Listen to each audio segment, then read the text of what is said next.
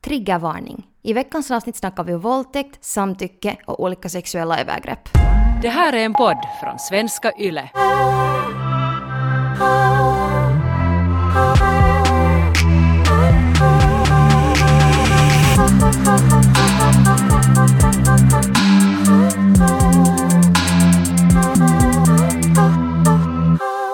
Jag har kollat på Michaela Cohens nya TV-serie I May Destroy You nu under sommaren och jag älskar den. Det har blivit min nya orsak att vakna upp på tisdagar, för den kommer alltid på måndagar. Sen är jag sådär tisdag morgon och säger ah, jag måste titta den här, det här är så bra, det här är bästa TV, bästa på TV som jag sett på jättelänge. Har du hunnit kolla ännu? Nej. Michaela Cohen är en brittisk skådis som är kanske hittills kändast på grund av sin förra TV-serie Chewing Gum, som var först en teaterpjäs, sen blev TV. Och uh, när hon försökte skriva andra säsongen av den här Chewing Gum TV-serien så blev hon uh, våldtagen. Och från den här våldtäktserfarenheten så har hon sen skapat den här TV-serien I May Destroy You. Hon spelar Arabella som har blivit stor på Twitter. Nu när den här serien börjar så har hon svårigheter med att skriva sin andra bok. Och eh, så tar hon en paus under kvällen när hon har sin sista deadline för att ta en drink med sina kompisar och sen nästa, nästa morgon så minns hon ingenting typ från den här kvällen och inser att, att hon har blivit våldtagen. Så handlar den här serien hemskt mycket om att hur hon försöker få skrivet den här boken, sin andra bok, och samtidigt um, klara sig ur det här trauma som den här våldtäkten som hon inte ens ordentligt minns. Och uh, den här serien är så bra för att den behandlar gråzoner när det gäller sex och samtycke på ett så fint sätt att jag har inte, jag har inte sett någon sån här TV eller sån här serie tidigare. Det, får mig att, eh, det har fått mig att tänka på jättemycket på det att vad är egentligen samtycke? Var går gränsen också mellan att vara ett offer och mellan att vara den som ofredar? Mm. Och att, att kommunikation mellan människor är så komplicerat ibland. Och den här uh, tv-serien har också kallats för sådär TV-serie of the hook-up generation. Att vi som är just kring 30 nu, att vi har lärt oss att söka sällskap på nätet via mm. olika datingappar och att, att man just kanske söker efter någon slags uh, lindring, smärtlindring via liksom, snabba relationer. Och, ja, sant. Och det är också i de relationerna som de där gråa zonerna oftast är fler. För att det är människor som du inte känner och också vad du har för bild av den kanske online i motsats till hur den är i riktiga livet. Och sen så här kommunikation, att man inte alltid heller vågar säga så tydligt eller på något vis att det är människor som man inte känner och en människa som inte känner dig kan inte heller läsa dina signaler lika bra som någon som vet hur du fungerar.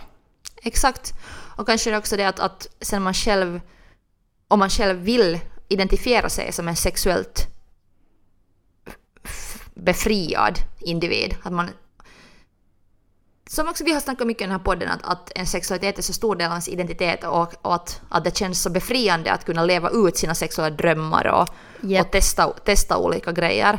Så i den här I May Destroy You-serien så alla de här karaktärerna känner sig starka just på grund av att de vågar testa sina sexuella gränser med olika partners. Ja, men det där kan jag relatera till att definitivt har jag som ung varit jättesådär att men nu vill jag ta kontroll av det här och jag vill njuta. Att jag vill bara få njuta liksom mycket och stort. Och sen just har det också kanske lett till att jag är i vissa situationer där det har hänt någonting, någon har gjort någonting i sängen som jag inte har kanske sagt att det är OK, men jag har bara så här låtit det slida för att det har inte känts ändå så sådär viktigt i den stunden.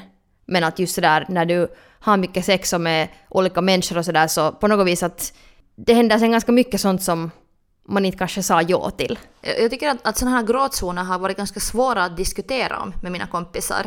Första gången som någon kompisar berättade att de hade blivit våldtagna så var det ofta att, att någon hade just satt någonting i deras drickor, att de inte riktigt mindes allting och just så hände det i den här I May Destroy You-serien också. Hur ska man kunna behandla ett trauma om man inte riktigt minns allting som har hänt? Att man minns att det är svårt att kanske medge att man har varit ett offer om man inte minns heller hur man själv har betett sig. eller vad Ja. man själv har gjort. Så det kanske, då i sådana i såna erfarenheter så kanske det händer att man funderar på att hade jag själv ansvar här?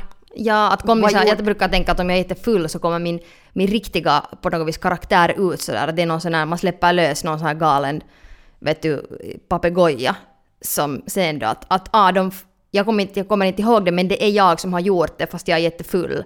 För att det är ändå liksom på något vis, jag har varit så full att jag har bara varit så mycket mig själv. Att jag har gått och orsakat de här grejerna. Japp. I den här serien så, efter den här första våldtäktserfarenheten som Arabella går igenom, som traumatiserar henne hårt och gör hennes liv jättesvårt. Hon hade liksom, det blir omöjligt för henne att koncentrera sig på att skriva den här boken som egentligen redan har haft sin deadline för att hon försöker på något sätt klara sig ur det här trauma och minnesförlusten och reda ut vad som har hänt i hennes liv. Men det påverkar, det som är så bra i den här serien, liksom, hon ser hur det påverkar allting. Att det, det förlamar hennes kapacitet att fokusera på andra saker. Det enda kapaciteten hon har kvar är att försöka reda ut det här trauma för att på något sätt komma vidare. Det blir ju sån här knut som man måste reda upp på något Ja, sätt. om man då inser att det är ett trauma. Precis, För att ja. ibland, ibland kan det ju också leda till att man börjar bete sig jättekonstigt. Oftast. Ja, och inser inte ens att det här kan vara posttraumatisk stress eller någonting. Och sen i den här serien så ganska fort efter att hon har blivit våldtagen så har hon uh, en annan obekväm sexuell upplevelse. Hon har sex med en kille som har blivit anställd för att hjälpa henne att skriva. Och de har ju helt sex, alltså att båda vill ha sex. Men mitt under det här sexet så tar han bort kondomen utan att hon vet om det. Först är hon bara sur på honom så att hej det där är inte coolt och nu måste jag ta dagen efter piller, att vadå?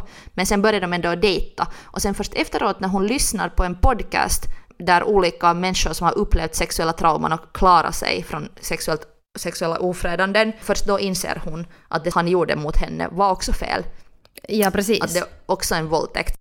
Och då, då blir det också så att hon, hon ser sig själv i spegeln och säger att vad är det för fel med mig? Att varför, att det, det, jag måste göra någonting fel om det här händer så här flera gånger åt mig. Och det där är någonting som sådär är så hjärteskärande för att jag har också många kompisar som, som har betett sig sådär. Att man börjar söka fel i sig själv om någonting händer flera gånger till en. Men det är också en jättenaturlig instinkt att börja tänka så när, när man inte hittar svar i den andra parten eller i någonting annat. Så var måste man, då, måste man ju söka svaren någonstans ifrån, så vänder man det inåt. Ja, jag såg just någon meme som var så bra som var så att, att all energi som du inte på något sätt klarar av att kanalisera på något sätt så det till slut så samlas det och blir ilska. Ja, Och så är det ju ofta med, med på något sätt människor som har gått igenom trauman att om, om man inte lyckas på något sätt bearbeta dem eller, eller förstå vad som har hänt så kan det byggas upp till aggression istället. Jepp, och jag menar och aggression och andra emotioner som kan ta så många olika former. Att det kan börja, som du sa där tidigare, att man börjar bete sig jättekonstigt. Liksom. Att det kan ta ut sig på någon viss specifik relation eller någon viss typ av person som påminner om någonting som känns hemskt eller dessa fragment av det där traumat som manifesterar sig i ens liv. Att det kan bli jätte så här diffusa grejer som är jättesvåra att förstå att man ens... Liksom att det är någonting som inte är OK i hur man beter sig. Det är så djupt inne i din karaktär. Har du haft någon så här erfarenheter av att, att dina kompisar har berättat att uh, de har blivit sexuellt ofredande, ofredade eller våld, våldtäkta? Sen, liksom, hur har du kunnat diskutera med dem? Som, eller som jag sa, att jag, jag hade jättesvårt när jag var yngre att i min kompisgrupp diskutera om sådana här ämnen, för vi visste inte alls vad man skulle göra, vi visste inte alls hur man skulle hjälpa dem som har gått igenom någonting som man själv inte hade en aning om ännu, liksom, att det, hur, det, hur det kunde kännas. No, det sorgliga är ju det att det inte för mig heller har funnits så många diskussioner kring det. Allvarliga grejer som har hänt till någon tjejkompis så diskussionen har såklart gått på hennes villkor. Så på något vis så när det har funnits en sån här gråzon som för mig inte var en gråzon, att det var ett fall där det på riktigt hade hänt någonting jätteallvarligt och sen så när hon inte kanske kände att det var så och jag försökte pusha att hej, det här är nog kanske lite allvarligare nu, att det inte är OK, men hon kanske inte förstod det på samma sätt så jag ville inte heller pusha för att på något vis säga till henne att nu har det hänt något hemskt i dig. Så det var en jättekonstig situation att, att jag visste inte hur, hur, hur sådär långt ska jag pusha så att hon förstår vad som har hänt i henne. Om hon på något vis är så lyckligt ovetande utan att jag egentligen kan veta hur skit hon mår inuti. Att vad vågar man säga? åt kompisen. Va- Hur mycket får man säga? Hur mycket får man på något vis pusha att hej, det här är inte OK liksom, att nu måste du deala med den här grejen. Alltså jag missade min oskuld så att jag inte hade ens gett lov till att ha sex utan det bara hände. Och jag var inte liksom, jag sa bara hela tiden nej. Jag sa inte någonsin ja till honom. Och det här var någonting som jag inte berättade till någon. Jag berättade inte liksom, det var inte någonting som eh, liksom, jag delade med mig överhuvudtaget. Det liksom fanns inte ens en diskussion. Så det, det berättar ganska mycket. Och jag förstod inte jag för- förstod det först många, många, många år senare att det var inte liksom riktigt OK det som hände. Men inte fattade jag det då inte. Nej, och sen just det att man vill inte kanske heller ta den här rollen som ett offer. Att på något sätt för att kunna, för att kunna leva vidare så i flera situationer där jag också upplevt gråtzoner så har jag på något sätt försöka, försökt förklara det för mig själv sådär att nej, men jag ville kanske det, jag var nog helt i kontroll över den här situationen och fast jag inte njöt av det och fast det inte kändes bra så att inte blev jag ofredad, det var bara inte så nice att, att jag var nog Ja. helt med fast man då senare kanske inser sådär att att, huh, att, att Ja, på något sätt har det påverkat en. Fast Ja, man inte. Så där finns någonting, ändå allting av liksom sådana grejer som senare fattar du, åh oh shit, att det har påverkat mig. Jag minns då när metoo uh, började, så att säga, eller den första vågen av, av uh, sådär, så att säga, ut, sådär, eller då den, de där första dagarna när folk började posta metoo på nätet. Mm. Så minns jag att jag hade en diskussion då med min kille om saker som, som jag har upplevt som skulle kunna just vara så här, som hashtag metoo-grejer. Och det första jag kom på mm, var en ganska liten grej. En kille som jag hade varit kompis med hade framför, och som var lite äldre än jag, så hade framför en massa andra människor på en fest plötsligt tagit i mig och sådär, slängt mig mot, mot en diskbänk och sen lekt att han liksom knullade mig bakifrån med kläderna på. Och det var liksom ett skämt, men det tog jätteont. Att jag fick liksom jätteont och sen, sen kändes det också att jag blev så så här sexuellt förlöjligad framför alla på den där festen. Och, och sådär, att folk bara var sådär hö hö hö. Att, att det var en sån här grej, det var som ett skämt som var okej. Och jag kände så att, att om, om, jag, om, jag, om en hel grupp bara skrattar när jag blir behandlad sådär, så vad är mitt värde då? Och sen minns jag att jag, att jag själv bara skrattade till den här grejen för att få liksom, komma vidare ur den här situationen. Att jag ville inte på något sätt ta upp det då eller göra en scen av det. Men det kändes obehagligt. Jep, och sen när jag berättade det här till min kille, sen frågade han att, att no, är det där det enda du har upplevt? Och i den stunden så på något sätt vågade jag inte ens fundera. Liksom, jag, jag, bestäm, jag var sådär, ja, typ. Och han var sådär, men det är ju inte så farligt om det där är det enda som du har upplevt som metoo. Och sen först efteråt när jag började fundera så insåg jag att det har hänt så mycket mer grejer. Men den där var den enda saken som jag, som jag lyckades processera, som var sådär att det här, det här kan jag säga att det var fel och det var ändå så pass på något sätt lite att, att jag vågar berätta om det. Att jag vågar så att ta Ja. upp, upp det trauma. Eller det är som med den här I May Destroy You-serien, så här Arabellas bästis Kwame, som då är en homosexuell kille som är no, beroende av Grindr. Att han hela tiden, sådär, på samma sätt som vi fast kollar på Instagram hela tiden, uh, så han är hela tiden på Grindr och söker hela tiden sällskap. Så har han sex med en kille som han först har sex med helt sådär, i samtycke. Men sen plötsligt, efter det här, den här sexakten, så blir han sexuellt ofri, ofredad av den här samma killen. Och den här stämning, stämningen byter på en sekund. Och där just, det är en så bra, ett så bra avsnitt och en så bra scen för att där visas det så tydligt just det där att hur mänsklig kommunikation kan liksom tonen och attityden alltid kan byta så fort. Och just till exempel i relationer också, att just det att man kan, man kan säga ja en gång, men det betyder inte att du sen i nästa stund igen vill ha sex. En grej som har hänt i mig sexuellt som jag ännu också är jättebitter och arg över är det att en av mina ex, så han blev alltid arg om han inte kom. Som var länge arg och jag, måste, jag, blev, jag märkte att jag blev så rädd för det. Att redan när vi började ha sex så var jag så här, okej att nu måste jag få honom att komma för annars blir han arg på mig. Han, fick Så fucked up. Ja, och Så fick, fucked up. och han fick mig aldrig att komma. Så där, under hela vårt förhållande så fick han mig aldrig att komma, men det var, det var liksom ingenting, min njutning var ingenting han koncentrerade sig på. Ja, så stor kontrast från det att vara så arg för att inte få komma men att ändå inte ens kunna liksom få sin tjej att komma.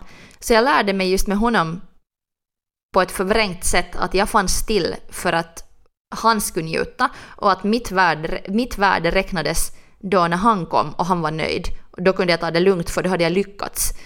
Jag, jag, bara hoppas att jag då skulle på något sätt varit mer erfaren eller mer stark eller på något sätt bara mer, mer modig och säg, för herregud nu om det där skulle hända, så nu vet man ju, liksom, nu ska jag kunna vara sådär, vad fan, att, att hur vågar du bli arg för en sån här grej? Ja. Att, att, att, Men det också låter som att du då har varit feg och dålig, vilket du inte har varit. Vi har ju inte gjort något fel, så fortfarande tänker man ju på ett sätt som är helt åt helvete. Att om jag skulle ha sagt, kunnat säga till, om du skulle ha gjort, liksom, sagt till din kille så skulle han kanske sluta få rajva den och inte fucka upp dig så hårt. Men det var ju inte ditt fel. nej, det var inte mitt fel, men också så att jag lärde mig att ha sex sådär att jag tänkte aldrig att vill jag egentligen själv ha sex? För att jag tänkte bara att, att om han vill ha sex så måste jag ha sex med honom för att han vill. Och sen måste jag försöka få honom att komma för annars blir han arg. Allt handlar bara om honom och jag vet egentligen inte ens om jag liksom så ofta ville ha sex med honom. Men den där rädsl- rädslan av att han ska bli arg. Att liksom, liksom såna, att vad är samtycke då om man går med bara för att man är rädd för att någon ska bli arg? när ens sexualitet bara är till för någon annan så då, då kommer man ju aldrig vara där för sig själv för att man får inte njuta av sig själv så då är det jättejobbigt att vara singel som det har varit för mig åtminstone. För att jag får min bekräftelse från en partner och inte från mig själv. Så sen varje gång jag har varit singel så har jag varit i så panik att jag väljer nästan första bästa. I alla fall inte liksom sådär någon vettig typ utan just liksom vad som helst för typ som bara kan ge mig lite närhet så jag mår bättre. Och tänk då att, att den här Michaela Cohen som har skrivit den här I may destroy you, att det här är en erfarenhet som precis har hänt i henne. Att hon har, hon har måste dela med den här våldtäktsupplevelsen och sen har hon gjort en hel serie som behandlar sexuellt ofredande, våldtäkt, hur man klarar sig efter, efteråt och vad, samtycke egentligen betyder. Hon fortsätter med att bygga det här narrativet om sig själv också för att hon skapar konst och berättar ärligt att det här handlar om mitt egna liv. Att jag har upplevt det här och sen har gjort konst av det. Att det här är någonting som jag, som jag respekterar jättemycket och inspireras av men samtidigt så blir jag lite skrämd av det.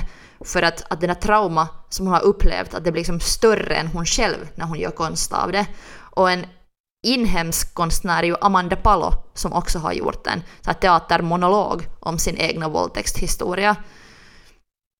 Att, att det är nog att lyfta hatten men samtidigt så känner jag sådär att, att, uh, att det är nog, det känns som liksom en enorm process att göra konst. Och Jenny Wilson, här svenska sångaren, hon gjorde också en hel skiva om sin våldtäktserfarenhet. Men det finns jättemycket styrka i att tala om saker, eller är det sen sådär i en bar med sin kompis, eller sen att man gör ett helt projekt om det, eller gör något, liksom en skiva om det eller så. Men, men det är ju det som också gör att när man talar om det som har hänt och just sådär som om vi sitter här i den här podden och talar om saker och det får oss att förstå mer och mer grejer hela tiden som kanske är direkt relaterade till det som vi har talat om eller kanske bara öppnar någon slags låda sådär randomist i någonstans från ens förflutna och plötsligt så förstår man en, en grej om sig själv. Att jag tror nog att just sådär bara att få säga saker högt så är det viktigaste att man hittar någon form som man kan göra det. Att få bara liksom processera en grej och sen att den inte har kontroll över dig utan att du har kontroll över den. I Helsingin Sanomat så finns det en, en artikel om den här I May Destroy You-serien skriven av Aino Frilander och där har de fått intervjua den här Michael, Michaela Cohen via Zoom. Och då hade det varit någon manlig reporter som hade i den här Zoom-intervju tillfälle fråga Michaela Cohen att varför har då så många människor sex utan samtycke? Vilken ganska stor, stor fråga att ställa, ställa liksom en konstnär. Eller Mikaela har ju sk- skrivit, skrivit den här TV-serien och hon spelar huvudrollen och hon har regisserat vissa um, avsnitt. Men att inte, hon, inte har hon ju lösningar. Men uh, hon svarar sen så bra uh, på den här frågan. Hon svarar att, att jag vet verkligen inte att det, att det är så absurt men att det kanske handlar om någon slags uh, brist på empati. Det är så vanligt för människor att ha svårt att se den andra människans känslor och situation. Att brist på empati leder till sex utan samtycke. Och det där är någonting som jag relaterar hårt till om jag funderar just på den här min ex-pojkvän som blev arg när han inte kom.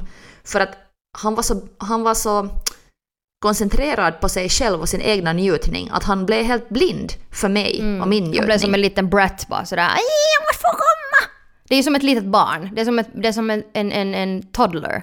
Att han brydde sig, jag borde ju absolut inte ha haft sex med honom för att han brydde sig inte om min njutning, han brydde sig inte om mig, han brydde sig inte om jag ville eller inte. Han brydde sig, jag skulle säkert kunna gråta där under honom och han skulle ändå fortsatt. Liksom att det, det... Han var inte där för dig. Nej, att han kände, han kände inte empati för mig. Han koncentrerade sig bara på sig själv. Men hur kan man då lista ut att en person är oempatisk? Att det är kanske viktigt att, att hålla utkik för um, genuina frågor och också mm. lyssnar på när du svarar på den frågan och hur de för diskussionen vidare. För att en människa som är oempatisk frågar kanske bara en fråga och sen väntar på svaret och sen kanske är sådär ah okej, okay, ja. Men blir det sen en passionerad diskussion? Ja, och sen också att, att den andra människan du flirtar med, hånglar med, har sex med, diskuterar med, att den lyssnar och lyder dina gränser. Att direkt om man drar sig lite bort från den människan eller säger nej, så slutar den här typen. Att det är så viktigt, för att det där är någonting som jag minns när jag var yngre, att det hände inte. Att, att jag måste verkligen liksom vara modig och ta, säga kraft, med kraft så här, sluta, eller stopp, ja. eller nej, för att någon kille skulle fatta att sluta. Att där, det, det där um, maktspelet är så... Särskilt när det gäller liksom, sexualitet så tycker jag att, att killar borde lära sig att, att det är liksom inte, inte hot att bara ta för sig. Vi har ju snackat mycket också om att vi, ändå, vi båda älskar ganska hårt sex och att det är nice uh, att bli tryckt mot väggen och bla bla. Men då handlar det oftast om att man redan är i en relation där man känner sig trygg att man kan testa allt möjligt. Men då, liksom, då när det börjar, då en relation börjar eller då när man lär sig att, att uh, ha sex med en annan person, så då tycker jag att man nog, nog först måste testa de där gränserna och lyssna på den, eller inte testa gränser, det är fel, utan lyssna på den andra människan och sådär, just vara försiktig när, när det börjar. Eller? Det borde, det borde finnas en, eh, det borde finnas så knullkörkort för heterokillar. eller för alla. Om du förstår de här grejerna du kan av den här simulationen avgöra om den här personen vill knulla eller inte så då får du gå ut och knulla i världen. Men om inte så bitch, nej tyvärr. Ja, jag lyssnade just på en sån podd eh, som heter Brita och Parisa, där Brita Zakaria och Parisa Amiri snackar varje vecka om aktualiteter och popkultur. Och då har de snackat ganska mycket om sex också, vilket jag tycker är en rolig uh, utveckling av deras podd. Och de snackade i förra avsnittet om det att, att hur kvinnor uh, måste snacka med sina söner om sex. Och i den här podden just där Brita är mamma, så hon kände sig sådär usch men är det inte mer så att pappan ska snacka med sönen? Hon blev genast lite obekväm. Och när Parisa var sådär att hej, att, nej, du måste också snacka med din son för att han ska inse att kvinnor är sexuella varelser. Och det där är just det att, att och fast det kan kännas obekvämt att på något sätt ha sådana diskussioner, alltså hur viktigt är inte? Eller sådär som du och jag har prisat Sex Education-serien, att hur mycket vi ska ha behövt den när vi var yngre, men också hurdana fantastiska, fantastiska karaktärer där är. Och där är ju det extremt på det sättet att, att, att Gillian Anderson spelar en sexualterapeut mamma, så såklart hon, som, när hon är sexualterapeut så snackar hon med sin son om sex för mycket också. Men också, det är ju därför han också sen lär sig att ta tjejer i beaktande. För att Precis, så han, han har en, ja. en knowledge, även om det är nollot att hon är en sexualterapeut och är så jätte jobbig egentligen när hon talar för mycket om det. Men ändå är han ju jätte, jättesmart och, och förstår de här grejerna.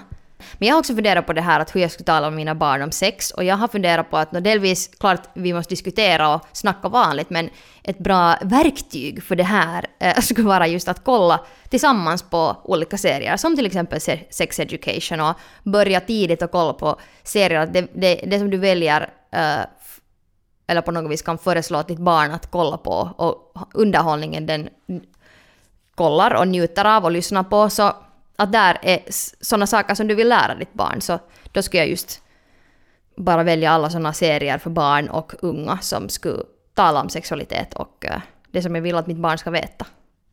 Och sen kan man ju börja snacka, liksom, man kollar på det tillsammans och sen kan man ha en diskussion om det. Och sen desto mer man ser på serier och uh, ser olika teaterpjäser eller läser intervjuer om folk som diskuterar om sex och samtycke och olika trauman, så desto mer kan man ju också känna igen sig och på något sätt lära sig av olika, olika erfarenheter. Eller just det att, att nu när jag tittar på den här I may destroy you serien och börjar tänka på samtycke och de här gråa zonerna så mycket, så började jag tänka just på Amanda Palos Kilari-pjäs på nytt och började tänka, som då handlar om hennes egna våldtäkt och sådär, våldtäktserfarenhet och uh, började tänka på just alla de här diskussionerna som, som var så svåra när jag var ung med mina kompisar.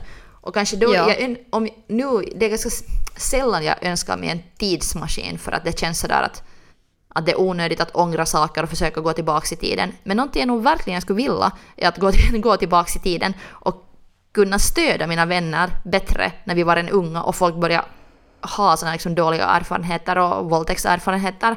Att vitsi, om jag skulle kunna gå tillbaka i tiden och, och nu och då liksom kunnat se den här I May- Destroy You-serien eller, eller liksom ha diskuterat mer om det och hjälpa mina vänner. Att det är kanske något jag öns önskar. För i också den här serien så, så är det en jätteviktig del, den här vänskapsdelen, att hur de här huvudkaraktärerna försöker vara vänner och stödja varandra, men också hur svårt det är för att alla kämpar med sina egna problem och ibland är det just sv- ibland är det svårt att att hur mycket än man delar till sina bästisar så kan det vara jättesvårt att, att just inse vad allt den andra går igenom om man inte har själv gått igenom alls något sånt liknande.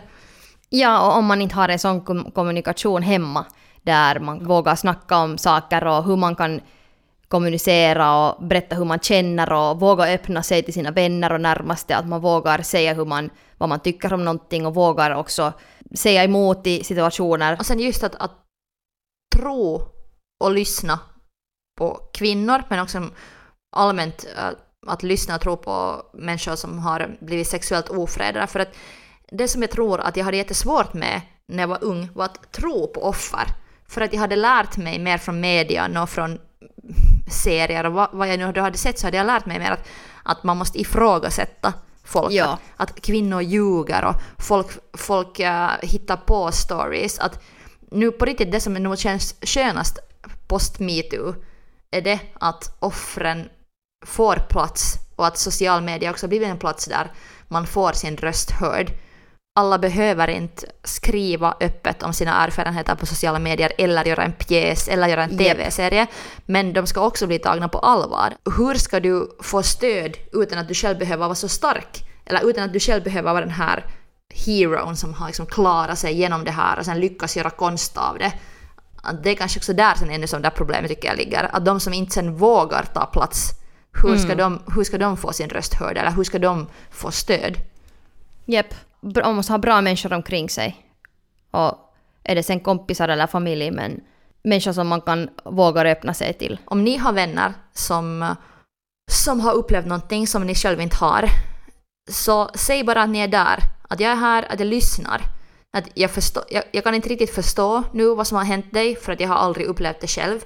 Men jag lyssnar på dig och vi kan göra här massa grejer tillsammans. Ja, det är sånt, just det som är fint i den här serien, just att de, de här bästa vännerna, de går fast är lite kitsch och corny, så de går och typ så här, målar tillsammans och yogar tillsammans, och de kallar det just för någon så här self-care days. Att de försöker göra någonting annat som inte att kanske att diskutera om det här trauma, men att göra någonting um, nice tillsammans, men som ändå på något sätt kanske sen sådär sublimt behandlar det som har hänt. Precis. Ja, ja, som att lägga sig ner när man har någonting som gör ont så får man bara slappna av och få ta i bra energi. Fast man inte talar om det där trauma liksom oavbrutet i sju timmar. ja. Men tack Ronja. Tack Taika! Och kom ihåg att... Go fuck yourself. Thank